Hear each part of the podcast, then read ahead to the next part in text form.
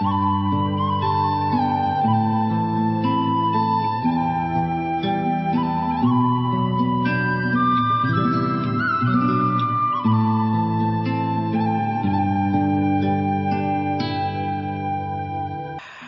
יום אחד לבד בבית, ואז באו שני אס-אס עם המדים השחורים האלה, ודפקו, אני חושבת, באגרופים על הדלת. אני הייתי מאוד מבוהלת, ופתחתי. גם לא, לא אמרו לנו, אל תפתחו. אני גם לא חושבת שזה יהיה עוזר. הם היו בטח שוברים אפילו את הדלת אם לא הייתי פותחת. איך הם ידעו שיש מישהו בבית? אין לי מושג. ואיך הם ידעו שאנחנו יהודים, אם זה הלך לפי רשימות, לפי שמות משפחה, איך הם ידעו ללכת מדלת לדלת, להוציא את היהודים בכל מקום. והם משכו אותי בכל הכוח וסחבו אותי לרחוץ את המדרכה.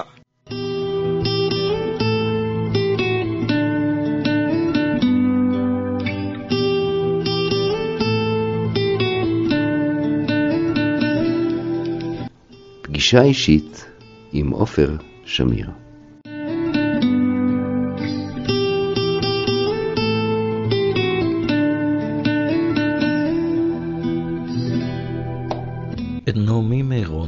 הכרתי באירוע משפחתי בשנת 2007.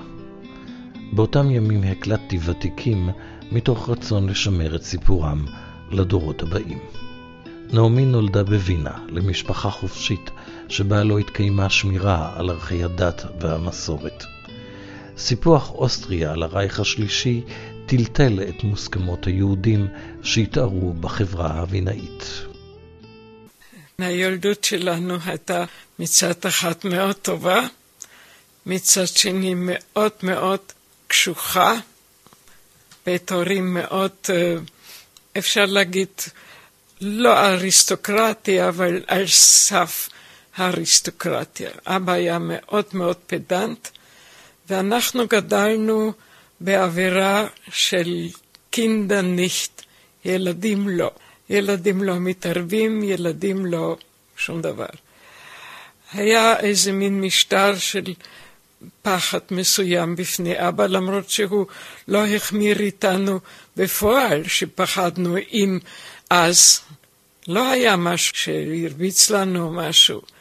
אבל כן, זה הוא, על ידי האישיות שלו, זה היה מספיק כדי לתת לנו להבין שככה צריך.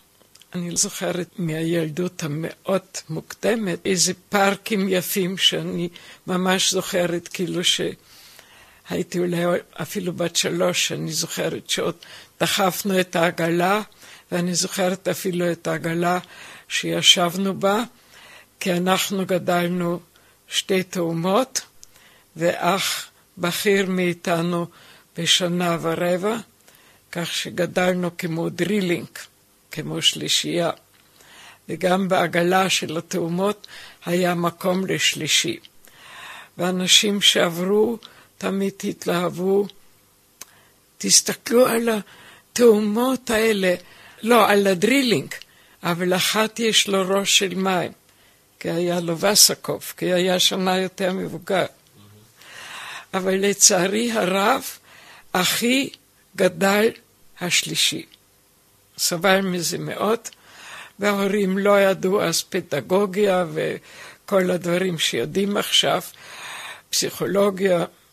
הם עשו הרבה מאוד שגיאות, ובעיקר כלפי האח שלנו, הכל היה התאומות המדל. המדל, המדל. ואחר כך, אחרי היטלר, כשאחי היה היחיד שנסע, ברח עם ההורים לאנגליה, הוא חשב עכשיו הוא מלך, רק הוא.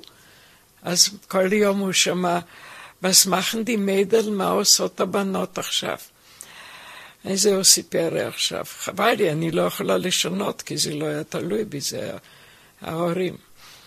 אבל כן הייתה לנו ילדות מאוד טובה מבחינה זאת שאבא היה לו ג'וב טוב, הוא היה בנקאי ראשי בעיתון פולקסצייטונג בווינה, היה מאוד דייקן, אמא לא עבדה, אמא הייתה עקרת בית, והיא טיפלה בנו, ואנחנו גרנו במחוז התשיעי בווינה, בדירה מאוד קטנה, ועד היום אני באמת אינני יכולה להבין איך היה שם מקום לשלוש מיטות. היו שם לשלושתנו שלוש מיטות, אבל ממש מיטה על יד מיטה צמודה, ככה שבקושי היה מקום לארון. ארון היה בחדר סמוך. אחר כך היה סלון, שבסלון עמדה ספה רחבה, שביום הייתה מכוסה, ובלילה זה שימש להורים למיטה. לא היה חדר שינה, מטבח, שירותים, מקלחת לא הייתה, למקלחת הלכו קילומטרים, כל, אני לא זוכרת אם פעמיים בשבוע, פעם בשבוע. בכל מקרה היו ימים קבועים שאנחנו הלכנו לטרפלבט, קראו לזה. אמבטיה של טיפות, לא יודעת למה זה היה של טיפות, אבל בטח היו שם דושים, לא זוכרת. זה היה מאוד מאוד כל כך טריוויאלי שזה לא, לא שיחק אה, איזה תפקיד של, של לזכור, זה לא היה משהו. הלכו, ואחר כך אנחנו גדלנו באמת אה, עד גיל עשר בצורה כזאת, ואנחנו יכולנו ללמוד בבית ספר עממי, קרוב מאוד, אבל כשהיינו צריכים ללכת לגימנסיה, אבא אמר שאין כסף, ואז הדוד, מצד אחות של אמא הדוד, אמר, אם הבנות שלי לומדות, שהן לא תלמידות כל כך טובות, מפני שיש לי כסף, אני רוצה לממן את הלימוד של הבנות שהן מוכשרות, והוא שילם את הלימודים, ואז הלכנו לגימנסיה ריאלית, ואחי גם הלך רק לבית ספר רגיל, לא, לא גימנסיה, האופטשולה, לא יודעת אפילו איך, איך בארץ קוראים לזה, בית ספר תיכון. וזה היה מאוד משפיל מכיוון שכל סמסטר היינו צריכים להראות לדוד את התעודות שאנחנו ראויות לתשלום שהוא משלם. אחר כך אנחנו עברנו למחוז השני, לדירה הרבה יותר גדולה. לנו, לשתי הבנות, היה חדר לחוד, ולאחי היה חדר לחוד, אבל גם להורים לא היה חדר שינה. באמת אינני יודעת אם זאת הייתה צורה כזאת, או שזה היה מבחינה כספית. בכל מקרה, גם עמדה, אבל הפעם פינה, שלא צריכה לפתוח מיטה, אבל גם פינה מכוסה עם שטיחים יפים, ובלילה זה שימש מיטות. חוץ מזה היה חדר לאבא, חדר ששם עמד פסנתר, פיאנינו, ובסולון עמד כנף, ואנחנו למדנו מוזיקה, ואז מהמחוז השני ללכת לבית הספר היה בלתי אפשרי, והיינו צריכים לעבור בית ספר. ואז המנהלת אמרה, את לא מוציאה לי את התאומות מבית הספר, שהן שתיהן תלמידות מצטיינות, או שתי תלמידות, זה, זה משקל בכיתה, ואני נותנת להן סטיפנדיה מוחלטת. רק את האוטובוס צריך לשלם. באיזה גיל היית? בגיל עשר. אבל היינו שתיים, אז ההורים הרשו לנו לנסוע לבד עם הטראם ולהחליף טראם ולנסוע כמעט שלושת רבעי שעה לבית הספר כל יום. אבל לקחנו לבית הספר כבר את הנעלי החלקה לקרח, כי הכל היה בעצם קרוב לבית הספר. לא, איפה שגרנו לא היו אה, מתקנים, לא היה פארק ולא היה... במחוז הזה התשיעי היה הרבה יותר מה לעשות, אז אנחנו לקחנו את כל הפעילות של אחרי בית הספר כבר לבית הספר בבוקר. ואחרי בית הספר עשינו את השיעורים או תוך כדי הכיתה, תוך כדי השיעור, או מיד אחרי בית הספר, בבית הספר. אני לא זוכרת בכלל את הנושא הזה. עשית כבר את השיעורים? לא עשית שיעורים? לא היה נושא כזה. אנחנו היינו תלמידות טובות וגם זכרנו מה שאמרו בכיתה, ורק דברים שהיה צריך בכתב עשינו בכיתה. ובאמת, עד 38 היו לנו ציונים הכי טובים בכיתה, וגם אנחנו ישבנו על יד שולחן של שלושה, כך שאנחנו שתינו ישבנו אחת על יד השנייה, ואצלנו לא קראו בשמות, בשמות הפרטים, רק בשמות המשפחה. אז קראו מיטלר, מיטלר היינו שתינו. אז יכולנו להחליט מי רוצה לצאת ללוח. ועבדנו קשות על המורים. יצאה תמיד זאת שרצתה לצאת, עשינו. בשביל, כדי שהאמצעית תקום, תצא, הייתה צריכה זאת בפינה לקום, כך שבכל מקרה קמנו שתינו, ואז יכולנו להחליט עם איזה נקישה ביד מי תצא ללוח. אבל זה גם לא היה חשוב למורים, כי אנחנו היינו אותו עטיף ציונים. וזה כך היה עד 38. היום הולדת שלנו ב-11 במרץ, כך שבדיוק ב-11 במרץ 38 היה האנשלוס, שהיטלר נכנס, הייתה לנו מסיבת יום הולדת, ואז באו ההורים לא אמרו מה, לקחו את הילדים הביתה, ששש, עם צ'ו צ'ו צ'ו, מהר ללכת הביתה, ולא הבנו כלום, גם לא רצו להגיד לנו כלום, גם פחדו לדבר. בקיצור, אז התחיל, עוד איזה חודש הלכנו לבית הספר עד אפריל, ואז גם פיטרו את אבא בעבודה, וזרקו אותנו מבית הספר, ורק אחרי האנשלוס נודע לנו בבירור שאנחנו יהודיות. עד התאריך הזה בעצם יהודי לא היה נושא אצלנו. לא בבית, אבא היה אסימילנט מוחלט. אני חושבת שהפרדוקס הכי גדול היה שאת אבא לקחו לדחו בחצי שנה. אחר כך יכלו להציל אותו משם עם הרבה כסף. אבל אבא היה אנטי-יהודי ממש, הוא לא נתן אפילו לאח שלי לעשות בר מצווה.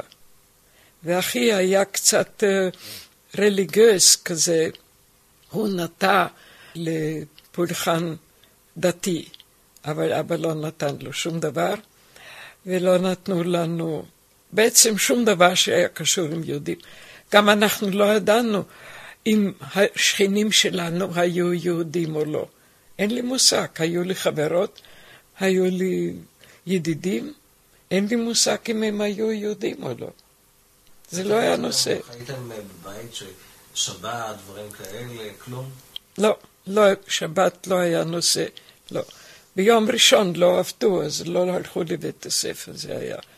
לא, אני לא... חגים נוצריים חגגתם? כן, אני חושבת, היה לנו uh, עץ אשוח, שאבא מאוד אהב, וזה היה יפה, שאפשר היה לקשט, וכן חנוכה, את החנוכיה הדלקנו מתחת לעץ אשוח, קראו לזה וינוקה. ואנחנו בחנוכה עשו מזה וינוקה. עכשיו חושבים ש, שיצרו את הביטוי הזה. זה אנחנו, עוד בילדותי אני זוכרת את הביטוי הזה, והנוקה. ולא חגגנו את החג הנוצרי, רק הביאו עץ אשוח, כי זה היה יפה. ואז בא הסבא מצד אימא, שכן היה קצת דתי, והוא גם הלך לבית הכנסת, והוא זרק את העץ אשוח. אבל בבית לא היה. גם אנחנו היינו שבע יהודיות בכיתה, וזה נודע לנו גם רק אחרי האנשלוס, אחרי שהיטלר נכנס, שליהודיות לא קראו, יכולנו להצביע מה שלא היה, לנו לא קראו, ואז לפעמים לא הייתה תשובה בכיתה, ואז אנחנו שמחנו, אהה, אם היהודיות לא עונות, אז אין תשובה בכיתה. ואז אנחנו הבנו למה המנהלת כל כך רצתה שאנחנו נשאר בבית הספר, היא ידעה מה הפוטנציאל. מתוך שבע יהודיות, שתיים אחר כך כבר זרקו אותנו גם מבית הספר, ואבא כבר לא עבד, ומעניין שאינני זוכרת את אבא בבית. אני לא זוכרת שהוא הסתובב בבית. הוא לא עבד ולא היה כסף, ו... אבל מה שהוא עשה, אם הוא הלך סתם להסתובב או לחפש או מה, אינני יודעת. וההורים דיברו ביניהם, ולילדים אסור היה להתערב, אבל כן הייתה אצלנו מוזיקה קאמרית כל שבוע, אבא היה מאוד מאוד מוזיקלי, הוא ניגן בכינור, לפי תווים, פסנתר הוא ניגן בעל פה, הוא יכול היה ללכת לאיזה קונצרט ולבוא הביתה לנגן על הפסנתר את הקונצרט. הוא ניגן ביד שמאל שיר אחד של שוברט וביד השנייה באותו זמן שיר אחר של שוברט. לא יודעת איך אפשר היה בכלל לעשות דבר כזה. אבא היה ממש גאון. ואנחנו למדנו פסנתר אצל אחות של אבא שהייתה מורה לפסנתר, והיא גרה יחד עם סבתא, עם אימא של אבא, והשיעורים היו מאוד קפדנים, היא לא נתנה לנו להרגיש שהיא הדודה או משהו, וזה היה לטובה, כי אחרת זה לא היה שיעור. ואז אנחנו גם היינו יותר קשורים לסבתא הזאת, מאשר לסבתא מצד אימא, כי היו ימים קבועים שאנחנו הלכנו ללמוד אצלה. וכשעברנו למחוז השני היינו דווקא יותר קרובים לסבתא השנייה, ולא ידענו עד שבאנו ארצה ודיברנו עם האח שלנו, שסבתא וסבא מצד אימא נפרדו. אינני יודעת. ילדים לא נותנים לעצמם דין וחשבון. אז היום הלכנו לבקר את סבא, ויום אחר הלכנו לבקר את סבתא. אף פעם לא שאלתי למה, למה הם לא גרים יחד. גם כן זה לא לא הייתה שאלה בשביל ילדה בת עשר אז. לא, לא דיברו על זה. אבל הם נפרדו וזה רק עכשיו נודע לי. וגם לא היה אצלנו הקוצ'ני מוצ'נו שאנחנו מחבקים או מנשקים.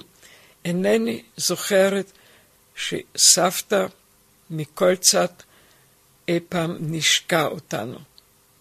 רק בירכו אותנו לשלום, ואמרנו קסטיאנט, שלא ידענו מה זה קסטיאנט. קסטיאנט זה קוסטיהנט, מנשק את היד. אבל לא ידענו, כשאמרנו את זה לא ידענו. עכשיו אני יודעת שקוסטיהנט זה קסטיאנט. לא, זוכרת התנשקות. משונה בעצם, כי בטוח אהבו אותנו. אני זוכרת שאצל הסבתא מיטלר, אנחנו, היא הייתה כבדת שמיעה, ועמד לפניה מיקרופון שלתוך זה היינו צריכים לדבר כדי שהיא תשמע. מעניין, באמת, אז כבר. ואנחנו פתרנו תשבצים איתה. ואנחנו השקינו את הקקטוסים אצלה, אחרי השיעור לפסנתר. ככה שאלה הזיכרונות מהתקופה הזאת ממש מתומצת, אינני זוכרת שום דבר חוץ מזה.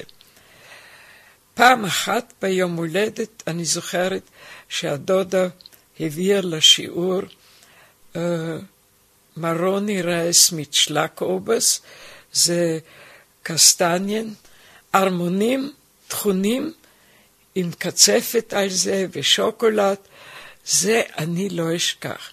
קודם כל, שהיא חרגה מהרצינות שזה שיעור, והביאה לנו משהו אישי לאכול ולחוק. זאת אומרת שהיה מאוד חמור, אם אני זוכרת את זה, כל כך מיוחד שהיא חרגה מהרצינות הזאת. ואחרי שהיטלר נכנס, כמובן כל זה נפסק, אי אפשר היה לנוע ממחוז למחוז, אנחנו הלכנו כל אחת לדודה אחרת לעזור, שביקשו אותנו לעזור. אני הלכתי לאחות של אבא קטע לגהץ, שהיא גרה מרחק עשר דקות הליכה, וחווה הלכה לדודה השנייה, אח של אבא, והיא מינה בקבוקים של תמרוקים. הם, היה להם איזה חנות תמרוקים והיא עזרה להם עם הבקבוקים. ועכשיו, רק עכשיו, בדיעבד, אני מבינה שהלכנו לגהץ ולעבוד כדי שנאכל שם צהריים. כמובן, היינו אצל הדודה וגיהצתי עד הצהריים, ואני שם אכלתי. אבל לא עשיתי לעצמי דין וחשבון שאני אוכלת כי בבית אין אוכל. עכשיו אני מבינה שלא היה אוכל בבית ושלחו אותנו לעבוד כדי שיהיה לנו שם אוכל. הדודה הזאת הייתה מאוד מאוד עשירה, הייתה להם חווה בדרום אוסטריה, והם הביאו uh, מצרכים מהחווה שהם גידלו. ואחי עבד בחווה הזאת, עבד שמה ועזר לגדל דברים, אני לא זוכרת מה גידלו, אבל... כמה הייתם? בנות 14. אנחנו נולדנו ב-24, אז ב-38 היינו בנות 14, בדיוק יום הולדת 14. וזה נמשך ככה עד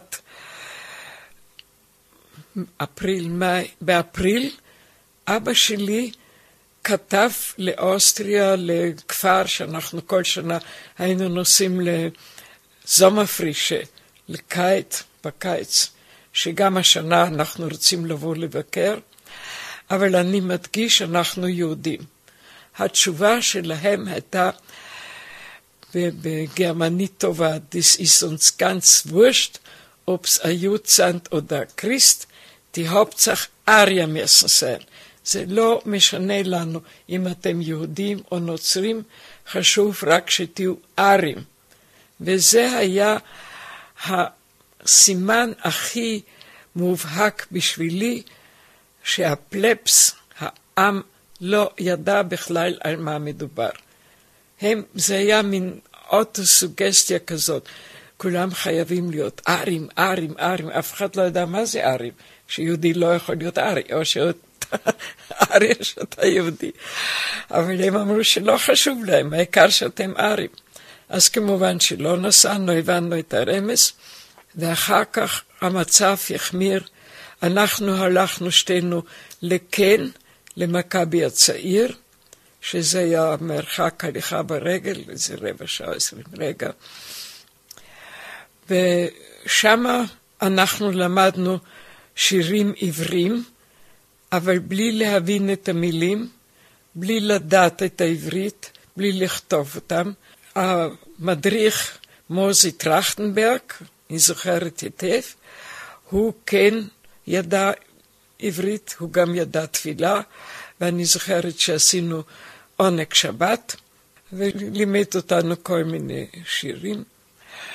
ואחר כך היה דולפי ברונה, שהוא היה המדריך הראשי, והם כולם חינכו אותנו ללכת לקיבוץ, זאת אומרת להתיישבות. ואימא אמרה שאנחנו חייבים עד עשר להיות בבית, כי סוגרים את השער הראשי. בווינה גם עכשיו, כל השערים של הבתים נעולים בחוץ, אי אפשר להיכנס לאיזה בית.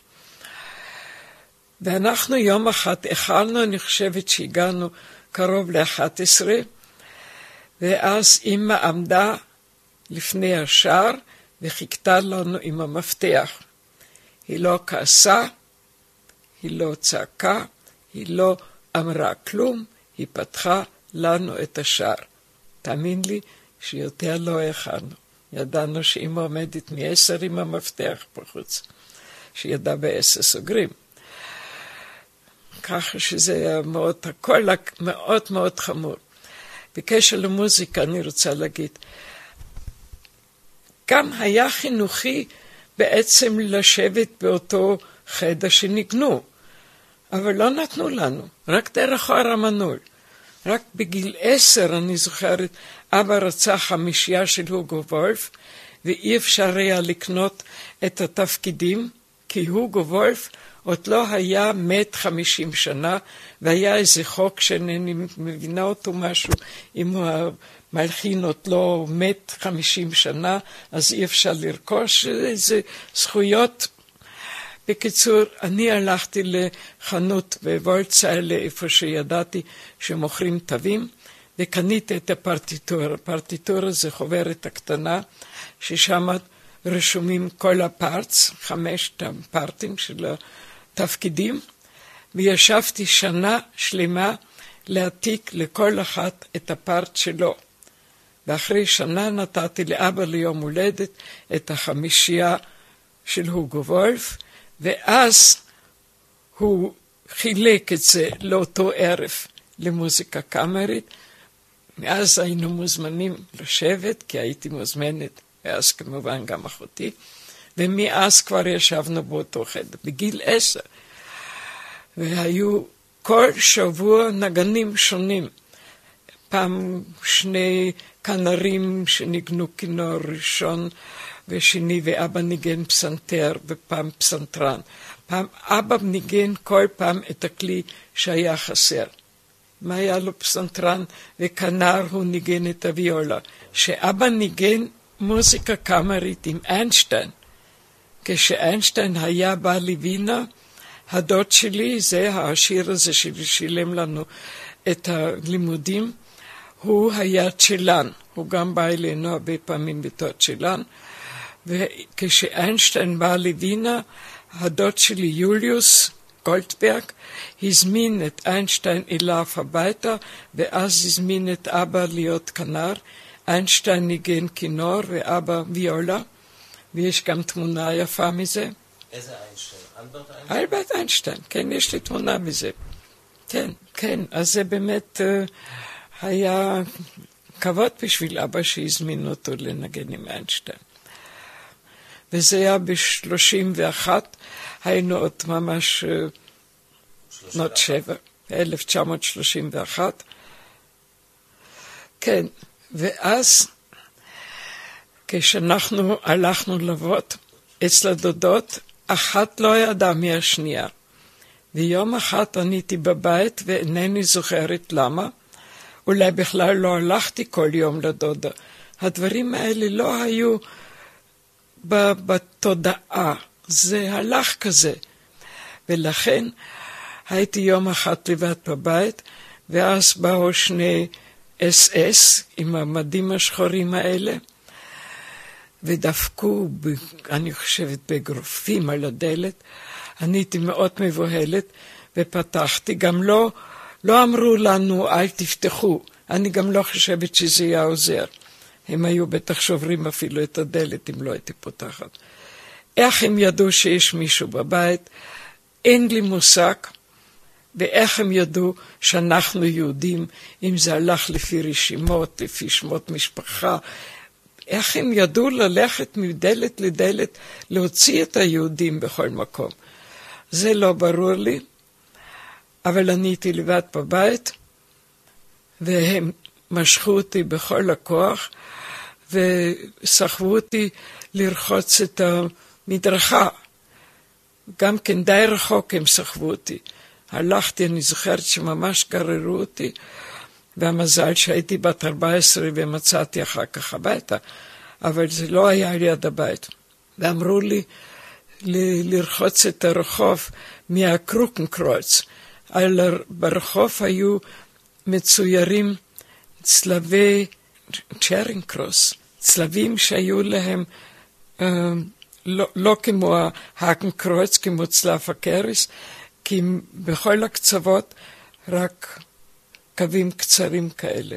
ואת הצלב הזה הם רצו שאנחנו נמחוק, והם היו מציירים, אבל זה אי אפשר היה למחוק, כי זה היה צבע שמן, זה היה סתם, גם נתנו לי איזה מדרשת, אי אפשר היה. זה היה סתם שיגעון, הם ידעו גם שאי אפשר לרחוץ. ואני בכיתי ובכיתי, והם הרביצו לי מכות, ואחרי, אני לא זוכרת כמה. לנו לא היו שעונים, אין לי מושג כמה זמן דבר ארך. אבל כן, בשבילי זה היה הרבה זמן. ועד ששחררו אותי, הרביצו לי ואמרו, עם דרק מרדל כאלה, עם, עם פרצופים כאלה, אנחנו לא מתעסקים, ושלחו אותי הביתה, ואז לא היה לי מפתח להיכנס הביתה. כי לא לקחתי מפתח. וישבתי על המדרגות, היה קר, ואני בכיתי עד שאימא באה מהשוק ומצאה אותי בוכה על המדרגות. אחותי לא ידעה מזה, אחי לא ידע מזה, ודי לאחרונה, שדיברתי על זה, אחותי אומרת, אני לא זוכרת דבר כזה. אמרתי, כנראה שבכלל פחדתי לדבר על זה. זה לא היה משהו שאפשר היה למחרת לדבר. יכול להיות שהייתי בשוק אפילו, שלא לא יכולתי אפילו לדבר על זה. אבל עובדה שזה מאוד הכאיב, ואחי אמר שאחר כך לקחו גם את אימא, ואת זה אנחנו לא ידענו, שלקחו גם את אימא לרחוץ את הרחובות. התאכזרו בצורה סתם שלא הביאה לשום דבר. ואנחנו היינו בנות 14, ואפשר היה לשלוח אותנו עם קבוצה שארגן גלילי, אני זוכרת את השם. גלילי אמר, גלילי שלח, גלילי, יכול להיות שזה אותו גלילי שהיה שר אז בארץ, וההורים החליטו לשלוח אותנו לפלסטינה. ואחי כבר היה בן 15 והיה מבוגר מדי בשביל זה. עד גיל 14 לקחו. ואז לקחו אותנו להכשרה על יד ברלין, לארנסטוף, דרומית לברלין. אינני יודעת, גם אז לא הבנתי שבברלין כבר מ-33 היטלר היה. איך אפשר היה מווינה להינצל לארנסטוף על יד ברלין. אבל הייתה שם הכשרה, וכנראה שמקום שהכשירו כדי לעזוב את, את אוסטריה זה היה להם חיובי, ובלבד שנעזוב.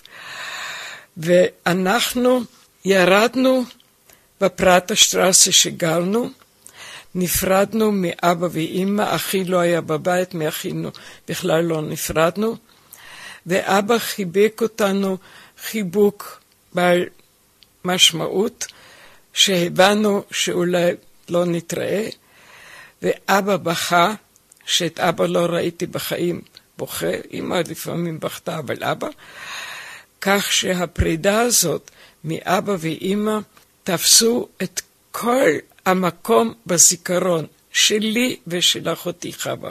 שתינו לא זוכרות. ההורים לא ליוו אותנו מפתח הבית, אנחנו חצינו את הרחוב לצד השני, אבל איך הגענו מהצד השני לתחנת הרכבת, ואיך נסענו ברכבת?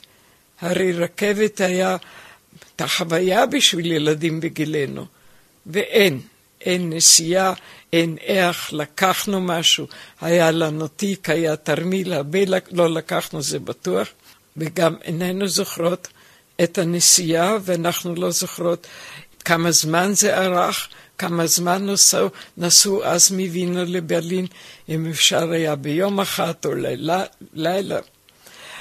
שתינו לא זוכרות, זה פשוט נורא, כי רוצים להיזכר, אבל לא יכולים. ואז אנחנו היינו שנה בהכשרה, למדנו, עשינו עבודות חקלאיות ולמדנו עברית, קצת יותר מאשר בווינה, והיה כל יום שישי עונג שבת, וכל שבוע באו גסטאפו לעשות בדיקת ניקיון, יעני בדיקת ניקיון. הם נתנו לנו לנקות uh, מחרשות חלודות שזרקו אותם, שמצאו אותם, איזה פלוק ש, שמצאו אותו, של לנקות את זה מהחלודה, שזה כמובן היה בלתי אפשרי. אחר כך אנחנו היינו צריכים להעביר חול, להעמיס על איזה עגלה, שיש לי גם כן תמונות מזה, ולהזיז את זה למקום אחר ולשפוך שם את החול. מה הייתה המטרה? אין מושג. אחר כך עלינו על איזה גבעה והכריח אותנו להסתובב על הגירטלשנלה, על אבזם החגורה. פירוש הדבר, עם ידיים למעלה ורגליים למעלה, שלא תגענו באדמה, רק להסתובב ככה כדי שהפרצוף יהיה בתוך הקוצים. ואנחנו, מה לעשות, בנות 14, בני 14, בני 15, במשך הזמן גם מלאו לנו 15, צחקנו מהדברים האלה. אה, אתם צוחקים? אז עוד פעם. אה, ככה הם כל שבוע שיגעו אותנו, הוציאו את הבנים שהיו עם חום גבוה, אפילו 40 חום, מהמיטות שיעמדו במסדר כל שבוע, כל שבוע, ושאלו מי אחראי על החולים. אז בחור אחד בשם גונטה אנשל אמר, אה, אתה אחראי? אז תטפס על העץ ותכתוב תה. כמובן שזה לא היה עץ תה ולא היה מה לכתוב. הכל שיגעון, עד שהיא נפלה כמובן. ואז הגיע התשעה בנובמבר, והמדריך שלנו הזמין את האס-אס למרתף היין והשקע אותם לשחרר. וזה הציל אותנו מה, מהתשעה בנובמבר, מהקריסטיינכט, שהם לא תפקדו. אבל... בנובמבר 1938. אה, כן. אבל זה גם... ליל הבדולח. כן, בדיוק. אבל זה גם נודע לנו רק כשהוא כבר היה בארץ. אבי, הנס וינטה, כולם היו אבי, עם אבי. ואחת המדריכים שלנו היה ישראל גיחון, אז קלאוס גלוקסמן, שהוא היה בשמונה שנים יותר מבוגר מאיתנו. הוא אחר כך היה בארץ אחראי על כל המוזיקה. והוא היה מוזיקאי וניגן באקורדיון, והיות ואנחנו ניגנו, אז מיד היה בינינו קשר מיוחד. הוא היה בשמונה שנים בוגר מאיתנו, קרא לנו kleine Schwesterlein, האחיות הקטנות, והיינו מאוד בידידות. והוא סיפר לנו את כל הסיפור של הקריסטלנחט, שאז לא ידענו שום דבר. פשוט ידענו עכשיו שאנחנו ניצלנו בזכות זו. בזכות זה שהוא השקה אותם ביין. בקריסטיינלכט לקחו את אבא שלי לדכו, ואנחנו שאלנו את אימא למה אבא לא כותב, והיא אמרה שההורים יכלו לכתוב לנו מכתבים, ולא לעיתים קרובות, אבל מדי פעם, ואימא כתבה שאין לו זמן. ואז כתבנו, אין לו זמן שבוע, שבועיים, חודש, אבל משהו קרה, אנחנו חוששים מה קרה עם אבא, ושהיא תגיד לנו את האמת. ואז היא כתבה לנו, זכות אופקהו, הוא שמור היטב. ואז אנחנו הבנו שהוא במחנה הסגר. ואח של אימא שלי היה עשיר בארצות הברית, והוא שלח הרבה כסף לשחרר את אבא מדחו. הייתה תקופה שאפשר היה עם כסף לפדות את האסירים. ולמזלנו זה הצליח, ואז אבא בא לבקר אותנו, אבא קיבל פרמיט לאנגליה, והוא בא לבקר אותנו בהכשרה. אנחנו לקחנו אותו מהרכבת באיזה עגלת סוסים או שברים, משהו, אבל בעגלה, וישבנו שעתיים, אבא היה במצב נורא, בלי ציפורניים, בלי שערות, אבא היה יפהפה עם בלורית, וזה היה נורא לראות אותו, ואנחנו פשוט לא יכולנו להוציא הגה מהפה, ואבא פחד לדבר. אז ישבנו ולא דיברנו. ואז ישראל גחון, אז קלאוס, בא וקצת שאל שאלות וקצת ניסה לתווך שתהיה איזושהי שיחה. ואחרי שעתיים הייתה לו רכבת להמשיך, והבאנו אותו בחזרה לתחנת הרכבת. הוא פחד נורא כשעדיין הרכבת נסעה דרך גרמניה, אפשר היה עוד פעם לעצור אותו. מאוד פחד, פחד לדבר, ונסע לדנמרק, ומדנמרק לאנגליה, ובאנגליה עצרו אותו בתואר גרמני.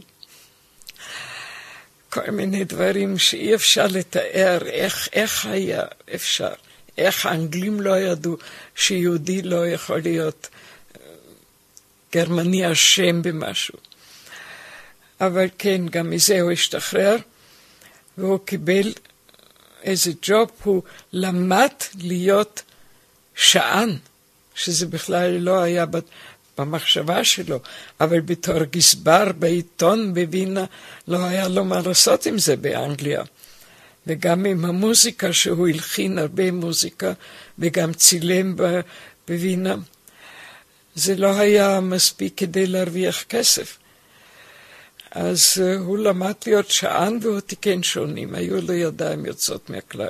הוא גם צייר יפה וצילם מאוד יפה, הייתה לו בווינה רשות מיוחדת לצלם בגן החיות שמברון לפני הסורגים השניים.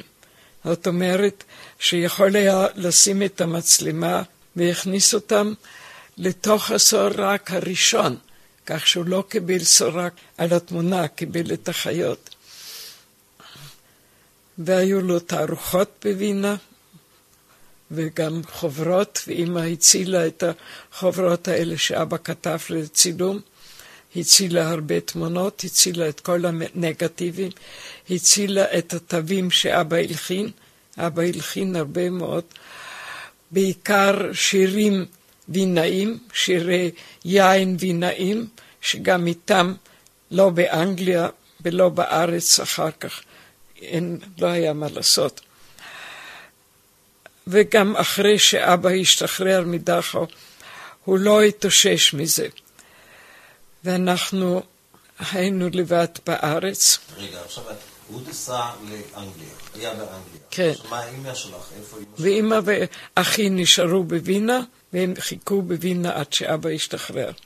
כשאבא כבר יצא, גם הם חיסלו את הדירה, לקחו כמה שאפשר היה, עובדה שאימא לקחה תווים ונגטיבים, דברים כאלה שזה מגפיים וסמטוטים אפשר לקנות בכל מקום, אבל דברים כאלה שאין להם תחליף.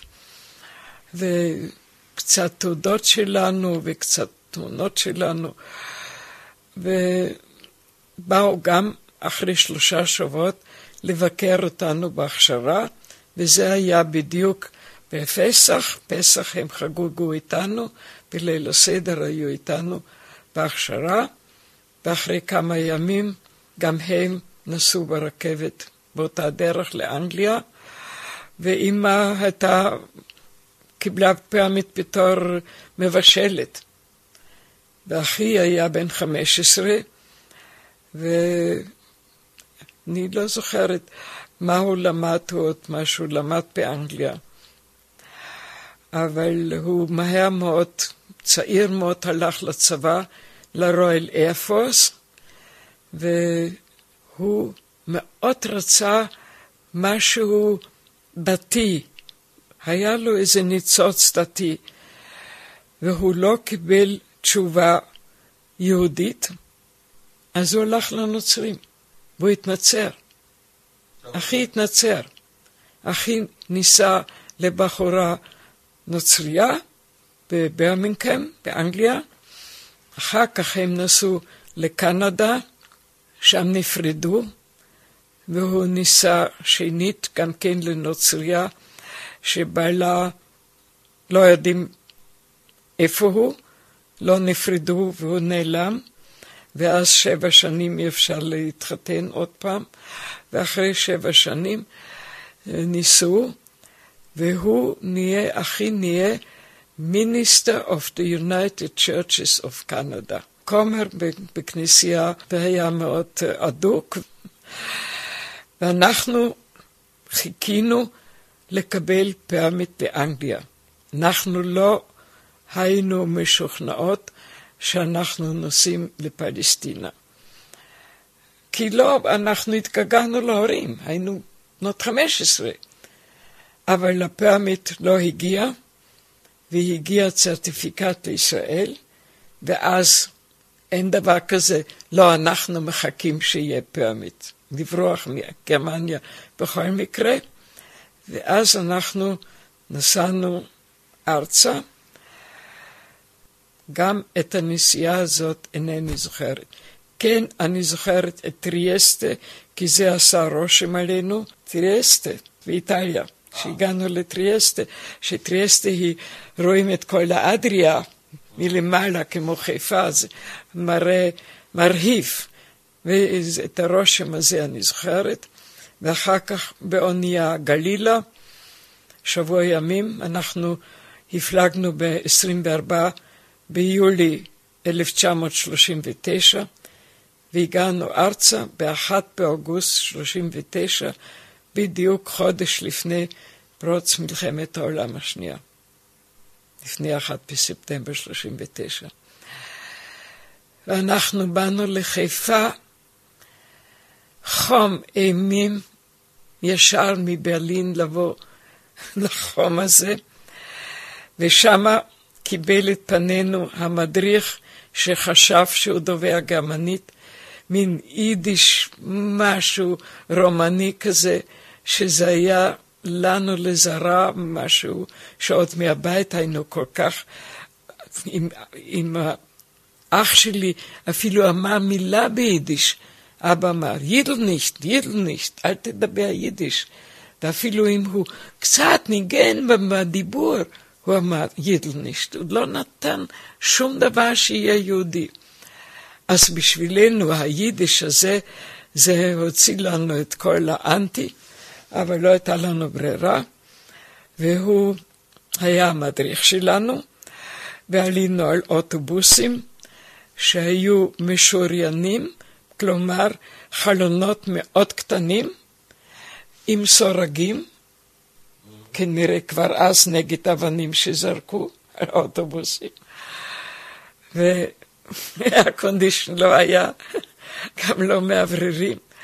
ואני לא זוכרת כמה נסענו, אבל שעות רבות רבות נסענו מחיפה למסדה, לקיבוץ מסדה בעמק הירדן, מול דגניה, לא רחוק מדגניה, ואנחנו שאלנו למה אוטובוס עוצר פה באמצע מדבר. מה זה באמצע מדבר עוצר אוטובוס? אמרו, that's it, הגענו.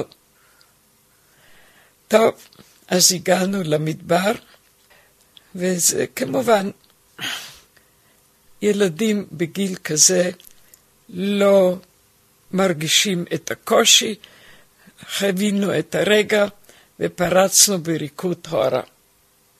עם החום ועם הכל. רקדנו את ההורה שידענו. אוקיי, הגענו לפלסטינה. ואז אנחנו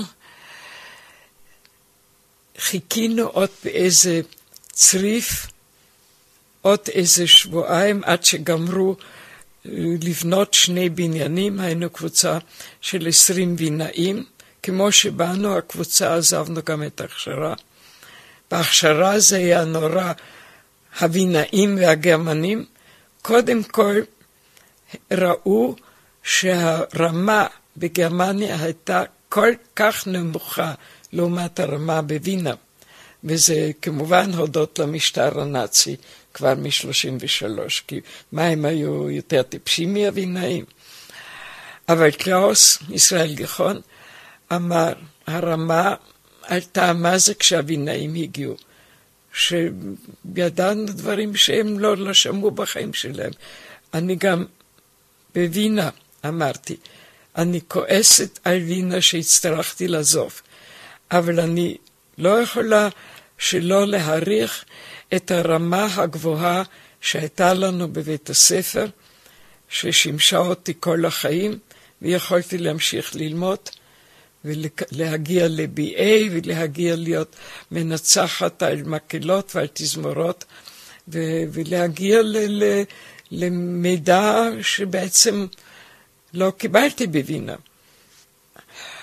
ואנחנו עבדנו בשדות, בעיקר סיכול, כן, וזה מה שאנחנו עשינו, אחר כך גם קצת שתלנו, ואני מאוד עזרתי לבחור שעבד בגינות נוי, ועזרתי לו לשתול.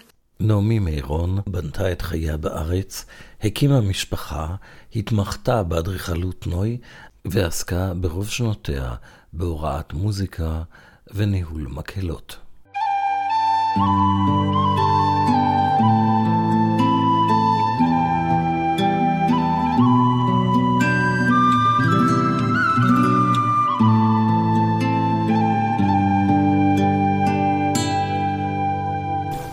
פגישה אישית עם עופר שמיר